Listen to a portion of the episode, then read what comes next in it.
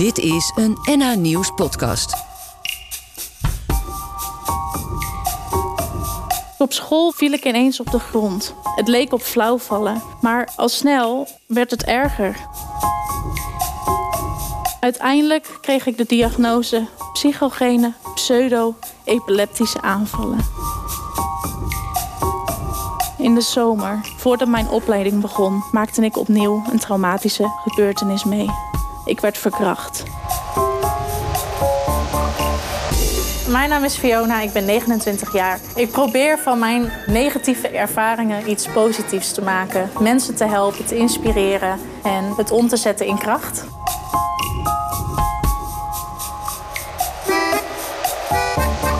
Meerdere dramatische gebeurtenissen in het leven van Fiona zorgen ervoor dat haar geest en lichaam zo van slag raken dat haar leven bijna volledig tot stilstand komt en ze niet meer verder wil. Wanneer ze een hulphond krijgt, begint ze in kleine stapjes te herstellen. En nu deelt ze haar ervaringen in de hoop anderen te helpen.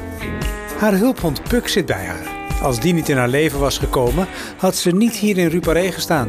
Maar ze is er en ze spreekt in dit huis voor de buurt in Amsterdam Nieuw-West voor onze groep strijders. Gewone mensen die gedreven worden door iets waar ze in geloven. Samen met andere aanwezigen zijn ze elkaars publiek. Dit is het podium waarop inspirerende Noord-Hollanders ons vertellen wat hen drijft. Dit is de plek voor onze strijders.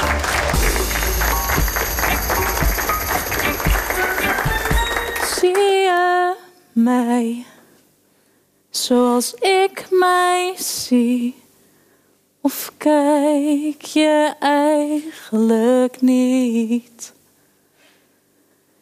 Ken je mij zoals ik ben? Is er wel iemand die mij echt kent? Dit is een stukje van de opening van mijn voorstelling.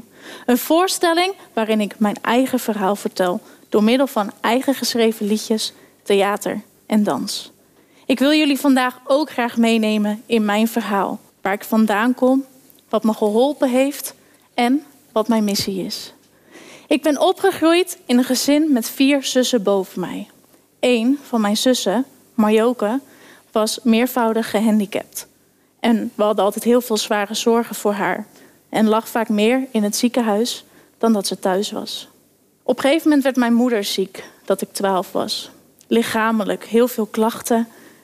En toen konden wij de zorg voor mijn gehandicapte zus niet meer aan en moesten ervoor kiezen om haar uit huis te plaatsen. Dit was een hele moeilijke keuze. En mijn moeder, die altijd voor mijn zus gezorgd had, is daarna in een depressie beland en heeft meerdere malen zelfmoordpogingen gedaan, kwam op de intensive care te liggen en werd daarna opgenomen in de psychiatrie. Dus ik was niet alleen mijn zus kwijt, maar ook mijn moeder in een hele korte tijd. Dat ik op school was, viel ik ineens op de grond. Het leek op flauwvallen, maar al snel werd het erger en begon het op epilepsie te lijken. Heel veel onderzoeken verder, heel veel opnames, maar er was niks te zien op die scans. Toen heeft een kinderarts tegen mij gezegd: Fiona, ga maar weer normaal doen. Je kan ook op een andere manier aandacht vragen. Ik veranderde van een blij en vrij meisje in een onzekere puber vol angst. Ik wist niet wat ik moest. Uiteindelijk kreeg ik de diagnose PPA's, psychogene pseudo-epileptische aanvallen. Dat betekent dat mijn aanvallen niet neurologisch gestuurd worden in mijn hersenen, maar een psychische trigger hebben. Ik werd ervoor opgenomen en ik kwam in een groep met lotgenoten. Allemaal mensen die dezelfde aanvallen als dat ik had. Zie je wel, ik stel me niet aan en ik doe dit niet voor de aandacht. Na mijn opname ging het een tijdje beter. Mijn leven kon beginnen. Ik ging een dansopleiding doen. Maar toen, in de zomer, voordat mijn opleiding begon, maakte ik opnieuw een traumatische gebeurtenis mee. Ik werd verkracht. En opnieuw stond mijn leven compleet op zijn kop. Ik heb heel veel dingen geprobeerd en met ups en downs, maar uiteindelijk kwam ik elke keer weer vast te zitten. En uiteindelijk had ik 30 aanvallen per dag, lag alleen maar in bed en durfde mijn bed niet meer uit. Ik had zelfs een poosstoel naast mijn bed staan, omdat het te gevaarlijk was om uit bed te gaan. De artsen wisten niet meer wat ze met me aan moesten. Ik was uitbehandeld. En daar lag ik, 24 jaar, met geen toekomstperspectief. Als het zo moest, dan hoefde het van mij niet meer.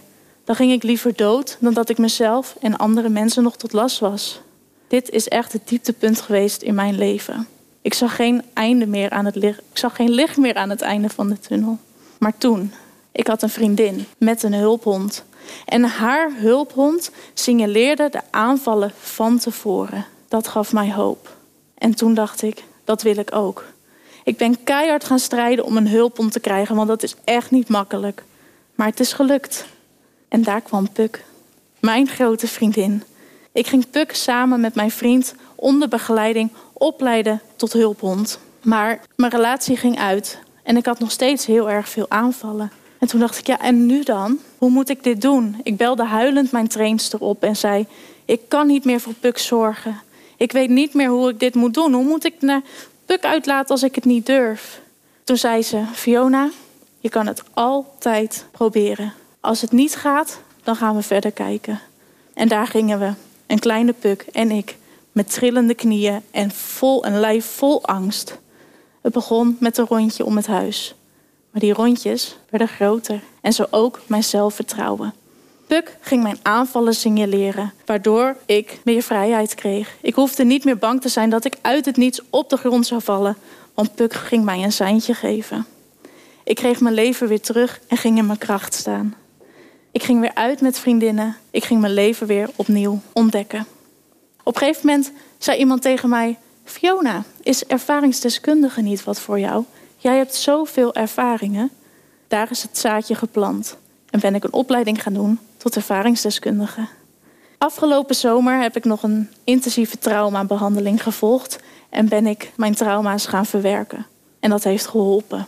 Want nu sta ik hier, PTSS-vrij en aanvalsvrij. Werk ik als ervaringsdeskundige bij GGZ Noord-Holland-Noord. Schrijf ik mijn eigen muziek waarvan ik een voorstelling heb gemaakt.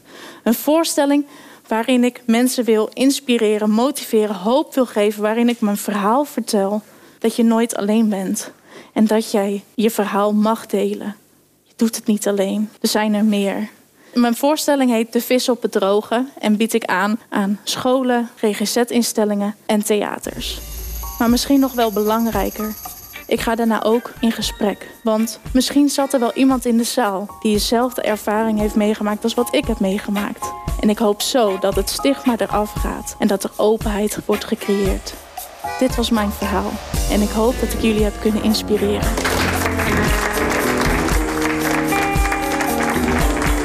Volgende week in Strijders, Marijke Dirkson. Toen ik twintig was, toen dacht ik, ik koop een boek over het houden van schapen. En ik heb toen zeven schapen gekocht. Een schaapherder werkt echt op het snijvlak van boer en boswachter. Je zit tussen landbouw en natuurbeheer in. Als we transitie willen van de landbouw, is ook heel erg noodzakelijk transitie van natuurbeheer. Die niet accepteert dat er zo'n kloof is tussen het boerenbedrijf en natuurbeheer. En met haar schaapskudde uitdraagt dat beide ook met elkaar in balans kunnen zijn. Dit was een NA Nieuws podcast. Voor meer, ga naar nanieuws.nl slash media of de NA Nieuws app.